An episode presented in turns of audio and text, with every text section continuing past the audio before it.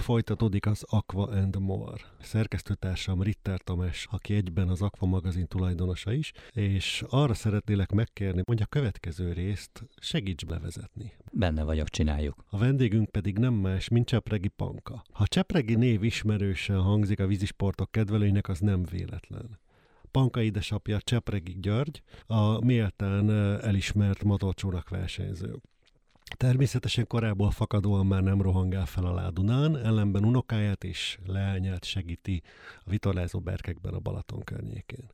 Panka pálya elhagyó, megszökött a jogi szektorból, és a vitorlázást, illetve a vitorlázás körüli munkákat választotta, jelen esetben vitorlákat, készít, farag, gyárt a családjával együtt. Ezzel párhuzamosan nem csak anyuka, hanem a vállalatvezető is, tehát a saját kis manfaktúrájukat ő vezeti. Úgyhogy erről fogja kérdezni Tamás Pankát. Már is kezdünk. Aqua and More. Hajózás. Beszélgető partnerem Csepegi Panka, aki a Van Design Sales Kft. ügyvezető tulajdonosa. Jól mondtam? Nagyjából igen. Nagyjából igen, és a beszélgetés apropóját az jelenti, hogy a téli hónapok azok hagyományosan a vitorlás szezon utáni azon hónapok, ahol a hajósok elgondolkoznak azon, hogy miket érdemes kiavítani, cserélni, esetleg venni a hajóhoz, annak érdekében, hogy a következő szezon tavasszal minél előbb teljes menetfelszereléssel tudják kezdeni. De mindenek előtt légy szíves mondd el, hogy te egyáltalán hogy kerültél a vitorlázáshoz. Én nem vitorlázó, ám de hajós családból származom. A magát a céget, céget 2015-ben indítottuk el. Volt előzménye, előtte vitorlát forgalmaztunk, egy külföldi márkát terjesztettünk itthon, de maga, maga ez a gyártás és a saját márkánk, a Van, Van Design Sales, az 2015-től él. 2015 óta több világbajnoki címet is szereztünk, mert hogy elsősorban külföldi piacra gyártunk. Ez az elsősorban ez azt jelenti, hogy 98 százalék, tehát alig-alig készül Balatonra vitorla, de remélem, hogy a jövőben ez változni fog. Ez nagyon érdekes, amit előbb mondtál, és én ezt már más vitorla készítőnél is hallottam, hogy amikor egy vitorlázó meg, vagy egy hajó megnyer egy versenyt, akkor a vitorla készítő azt mondja, hogy mi megnyertük. Ez olyan, mint a konstruktőrök világbajnoksága a Forma Azt akartam kérdezni, hogy te mit gondolsz, hogy a vitorla hány százalékban járul hozzá mondjuk egy versenyben mondjuk a hajó gyorsaságához? Nagyon-nagyon nehezet kérdeztél. Tudom. Tudományos alá, alátámasztott tény, hogy a, a vitorlázás három alapegysége, úgy, mint a hajó, a vitorla és maga a vitorlázó, akár egy személy, akár csapat.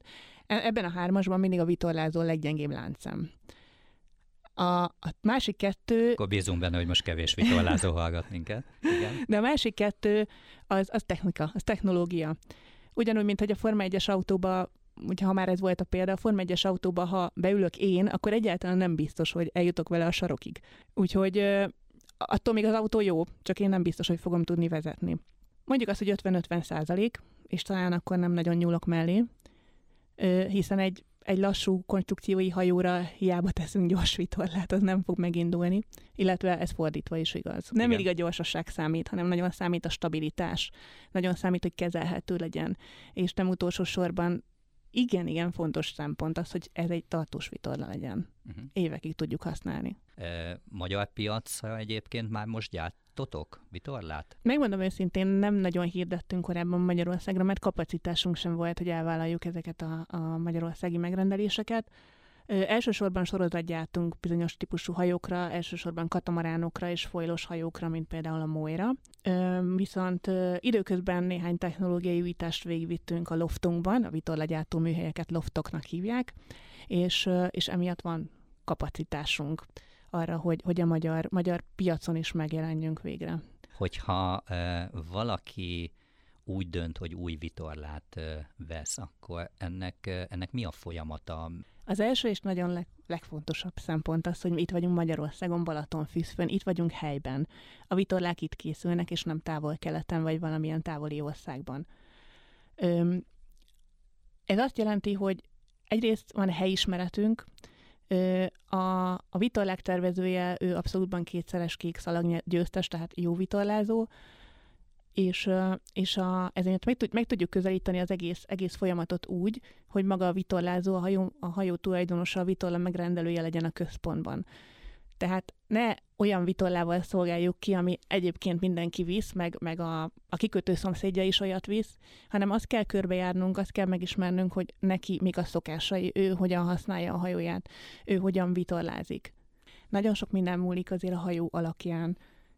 Azért kimondhatjuk, hogy nagyon kevés teljesen egyforma hajó van. Az úgynevezett Van Design osztályokon kívül, mint a Majas 24 vagy E24, vagy akár a, a Sudár, Sudár regatta, ezek a többi hajó az mind mindig eltérő, más, más az árbóca. Még akár, akár azonos gyárból kikerülő hajókon is vannak eltérések. Nyilván felmérjük először a hajót, tehát van, van egy adott periméter, megvan, a, hogy mekkorának kell lenni a, a, a, a vitorlának az éleinek, tehát az első él, alsó él, hátsó élnek milyen széles, milyen hosszúnak kell lenniük, de, de a legvége a mateknak azért ott dől el, hogy te mikor akarod ezt használni, hogy nehéz-e a hajót, könnyű a hajót, hányan vitorláztok, egyedül vitorlázol, vagy a feleségeddel, vagy egy felkészült csapattal. Oké, okay, megvannak. Az igények ez, diktálnak. Az igények diktálnak. E, Oké, okay, ezeket megkérdezitek a leendő vevőtől. Ki is mentek egyébként a hajóhoz? Tehát, Mindenképpen. A felmé- tehát a felmérés azt ti csináljátok. Mindenképpen. Oké, okay, mi a Én kö- megyek a centiméterrel személyesen, és mérem. Uh-huh. Oké, okay. mi a következő lépés? Még mielőtt ez megtörténik, ugye amikor valaki ajánlatot kér, akkor adunk egy hozzávetőleges árajánlatot erre a vitorlára, akkor felajánlunk bizonyos típusú anyagokat. De ezek közül kell, meg kell hozni a döntést, és ezt a döntést közösen hozzuk meg a hajó tulajdonosával. Milyen hogy, típusú anyagok vannak, vagy hányféle anyag van? Ez, hogyha ez, azt mondja, tehát, hogyha a teljesen laikusnak azt mondom, hogy kiáll a Balaton partjára és hófehér vitorlákat lát, és arra gondol, azt hívják talán ilyen klasszikusan vitorla vászonnak, hát ez már nagyon régóta nem vászon, hanem ezek ilyen poliészter szövésű, de szövésű vitorlák, mert emellett, ez, ezt hívják dakronnak, de emellett léteznek laminát vitorlák is, amikor gyakorlatilag az anyag csak ragasztva van. A filmre rákerül egy ragasztóréteg, arra ráhúzza a gyártó a szálakat, a vitorla anyaggyártó ráhúzza a szálakat, ragasztóréteg fólia, és ott nagyon nagy, megnyom, nagyon nagy nyomáson megnyomják, és egy ilyen, akkor kapják ezeket a fóliaszerű átlátszó vitorla anyagokat. De ezek között, a termékek között olyan széles a skála, attól függően, hogy milyen milyen a szálok, szálak elhelyezkedése, milyen sűrű a szövés, milyen köztes ragasztóanyagot használnak, kap-e valamilyen utólagos kezelést, ami az UV-védelemmel ruházza fel részben, már amennyire lehetséges. Úgyhogy ha azt gondolnád, hogy csak egyféle anyag létezik, akkor nagyon-nagyon tévedsz, mert ugyan, lehet, hogy ugyanúgy néz ki, de, de ha közelről megnézed, akkor kiderül, hogy rengeteg a választék. Nagyjából három olyan cég van a világon, ahonnan az összes vitorla gyártó dolgozik, tehát tehát azt gondolom, hogy nagy hatalmak vannak ebben a, ezen a területen. Majdnem olyan, mint a csippeknél. évről évre, évről évre születnek innovációk, most éppen a, az újrahasznosított anyagokkal kísérleteznek, hiszen ez most egy nagyon fontos téma. Viszont ha visszanézek mondjuk az elmúlt húsz évre, ami azért hosszú idő, olyan jelentős változások nem történtek. Kiderült, hogy voltak zsákutcák, próbálkoztak új anyagokkal, hogy, amiről, hogyha kiderült, hogy nem igazán alkalmas, vagy nem arra alkalmas, amire, amire tervezték, akkor ezt az anyagot kívánták a forgalomból. Vagy csak nagyon minimálisan gyártják nagyon speciális területre. Világos, tehát hogyha valaki oda megy hozzátok, akkor ti ö, javasoltok valamilyen anyagot. Gondolom különbség van a között, hogyha valaki profi versenyző, azt gondolom sokkal inkább tisztában van azzal, hogy mit szeretne. Ezt, ezt jól látom? Jól látod. Mm, a, az ügyfeleknél meg, megérkeznek hozzánk, akkor, akkor kiderül, hogy mennyire felkészült valaki, mert, mert van, aki csak horgászni jár ki a hajójával, és, és szeretne egy kicsit újítani. Van, aki viszont, viszont tényleg a teljesítményre megy, hogy, hogy akár órákat is nyerhet, mondjuk egy kék szalag hosszon, most ha egy nagyon nagy szélsőséget mondok a túravitorlázók és a versenyvitorlázókat nagyon szétválasztják a, a kommunikációban, pedig a, a vitorla építés szempontjából nem feltétlenül van olyan jelentős különbség. Tudunk olyan vitorlát gyártani, ami, ami nem tart olyan sokáig, viszont mindenkinél gyorsabb lesz, de szemetet, a szemetesnek nem akar senki sem gyártani. A leg, legjobb példám arra, hogy a 60-as években a Honvédban egy cipőkészítő bácsit felbújtottak arra, hogy tud könnyebb cipőt gyártani az Adidasnál, a futócipőt, és, és sikerült neki, de a verseny végére lefutott, le, leszakadt a futólábáról a cipő. Tehát ez is megoldható, hogy ez lesz a leggyorsabb, de nem lesz tartós. Tehát meg kell találni mindig az arany középutat abban, hogy a performance, a, a sebesség is meglegyen, a könnyű kezelhetőség meglegyen, ugyanakkor viszont évekig lehessen használni azt a vitorlát. Nagyon-nagyon fontos, hogy évekig lehessen használni azt a vitorlát, és ebben nagyon fontos szerepük van a vitorlázóknak is említetted a, a beszélgetésünk elején, hogy, hogy, hogy ősszel, amikor kiderúzzák a hajókat, vagy, vagy csak éppen hosszú távra kerülnek kikötésre, a kikötőfüggő. Mindenki csak akkor jut el a vitorlavarróhoz, amikor konkrét baj van, pedig ez is ugyanúgy, mint az autód, érdemes időről időre átnézetni, megnézni, hogy hol kerül elő, elő rajta valamilyen gyengeség, ami most még nem okoz problémát, de a jövőre gondolkozva problémát okozhat. És azért is nagyon fontos, mert hogy nagyon drágák lettek a vitorlák, és egy gondoskodó őszi átnézéssel akár, akár több szezont is adhatunk neki még. Pont ezt szerettem volna kérdezni, hogy aki nem versenyez, tehát azt mondom, hogy egy ilyen normál felhasználásra használja mondjuk a vitorlát, mit tud annak érdekében tenni, hogy, hogy az élettartam ez megnövekedjen? Van-e bármi tárolás, karbantartás, stb., amit ő maga meg tud tenni? Hát össze mindenképpen le kell venni a hajóról a vitorlákat, Ez és fontos. ezt száraz helyen kell tárolni. Anyagfüggő, hogy érdemes inkább hajtani vagy tekerni. Uh-huh. Ezen kívül szezon közben is nagyon sok mindent tudunk tenni a vitorláért. Ugye a, a, nap, a nap a legnagyobb ellensége ennek a hajónak, nem a víz, hanem a nap az ellensége. És nagyon sokszor látom azt is, hogy nincsenek azok a vitorlák rendesen elrakva, hanem, hanem itt-ott, itt-ott kimarad egy kis sarok, és úgy, hagynák, úgy hagyják ott hetekre a kikötőben, és hát ott lesz a következő baj, mert, mert a nap az dolgozik, az UV az kiszívja, és az hatalmas károkat okozhat, tehát tönkre teszi a vitorlát. A, a gondoskodó karbantartás az, az anyagilag sokkal jobban megéri, mint hogyha, mint hogyha né, néhány év alatt a gondatlanság miatt megy tönkre a vitorla, a nem megfelelő tárolás miatt megy tönkre a vitorla, és, és akkor előbb kell újat venni. Tehát, hogyha, hogyha ősszel, amikor, amikor a helyi vitorlavarrók is sokkal jobban ráérnek, hogy átnézzék a vitorlát, akár van, ahol még a tárolás is megrendelhető, hogy ők letárolják tényleg, és akkor tavasszal szépen felújítva, átnézve föl lehet frissen húzni, és akkor biztos, hogy, hogy egy stabil szezon vár ránk. Uh-huh. Egyébként a nálatok hogy néz ki az év? Tehát, hogy, hogy, hogy ez a tél az, az nálatok a főszezon, ez így működik egyébként a, a, a magyar piacon, vagy nem, nem, nem annyira ez a jellemző? Az én cégemnél én nem tapasztalok szezonalitást, és, uh-huh. és ez a nagyon sok exportra készülő vitorla miatt van, mert valahol mindig van nyár, és valahol mindig uh-huh. van verseny a világban. Úgyhogy, úgyhogy én nem tudom azt mondani, hogy na most akkor a tél az csendesebb lenne, de, de ha, ha a saját magyarországi ügyfeleinkről beszélek, akkor nekik is mindig elmondom, hogy ha előre tudok valamiről, akkor könnyebb vele tervezni. Tehát ha nem márciusban, meg áprilisban esik be, hogy úristen, tavaly augusztusban elszakadt a vitorlám, akkor, hanem, hanem elhozza tényleg a szezon végén ősszel, akkor biztos, hogy készen lesz, még, még márciusban és áprilisban azért nem biztos, hogy a kollégáim boldogok a túlóra miatt. Uh-huh. Hányan dolgoztok egyébként a cégnél? Mi kevesen vagyunk, mi hatan vagyunk. Azért mondom, hogy kevesen, mert azért a nagy ázsiai vitorlavarró cégeknél azért több százan dolgoznak. Mennyi, mennyi időben telik egyébként egy ilyen vitorlának az elkészítése? Miről beszélünk? Lehet, hogy, lehet, hogy két óra mondjuk egy kisebb dingire, hiszen nagyon, nagyon ügyes és rutinos kollégáim vannak, és főleg ha sorozatgyártásról van szó, akkor, akkor csak úgy siklanak ki az új vitorlák a kezük közül.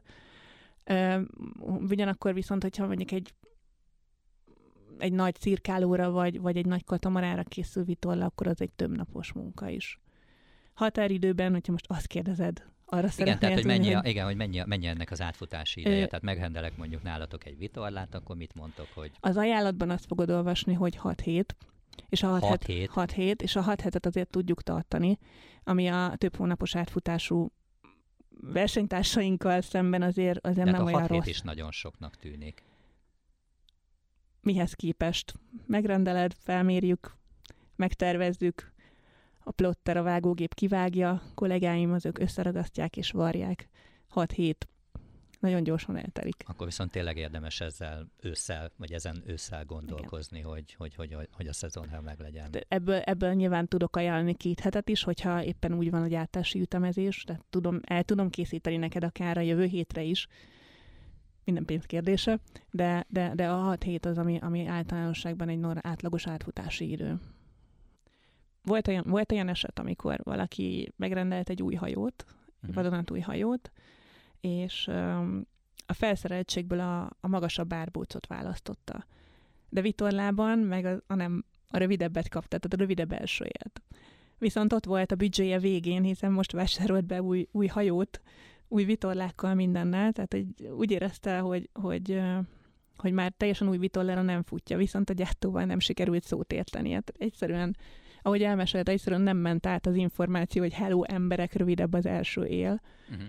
És akkor itt ezen a ponton föladta, és, és bejött hozzánk, hogy tudunk-e varázsolni, és az a szerencsés szabású vitorla volt, amihez könnyedén hozzá tudtunk toldani alulról, és színben nem is volt jelentős az eltérés, tehát lehet, hogy, lehet, hogy észre sem veszed, ha, ha a kikötőben látod, hogy elindul kifele vele. Viszont azt mondta, hogy, hogy annyival gyorsabb lett a hajó, hiszen alulról azért nagyon-nagyon hiányzott az a fél méter, 50 centivel rövidebb volt. Ez nem, nem olyan különleges, nem egy megoldhatatlan eset, sőt, nagyon egyszerű volt a megoldás, de, de hogy azért nem mindennapi. Mi magunk állunk olyan partner kapcsolatban hajógyártókkal, nagy nemzetközi nevekkel, ahova, ahova beszállítók vagyunk. Uh-huh. Tehát ezt, a, ezt az oldalát is ismerem a területnek, amikor tényleg nem is találkozom az ügyféle, hiszen én, hiszen én a, a hajógyártónak teljesítem a megrendelést, de ezek nagyon egyforma, nagyon sorozatgyártású, egy kaptafára készülő vitorlák. Amikor viszont tényleg megérkezik valaki kvázi a második szettért, amikor már tudja, hogy, hogy milyen volt az első, tudja, hogy mit szeretne másképpen. Ez vagy az nem tetszett rajta, akkor sokkal jobban lehet alkalmazkodni a megrendelő igényeihez. Sokat keresnek a Balatonon az úgynevezett Code Zero, Aha.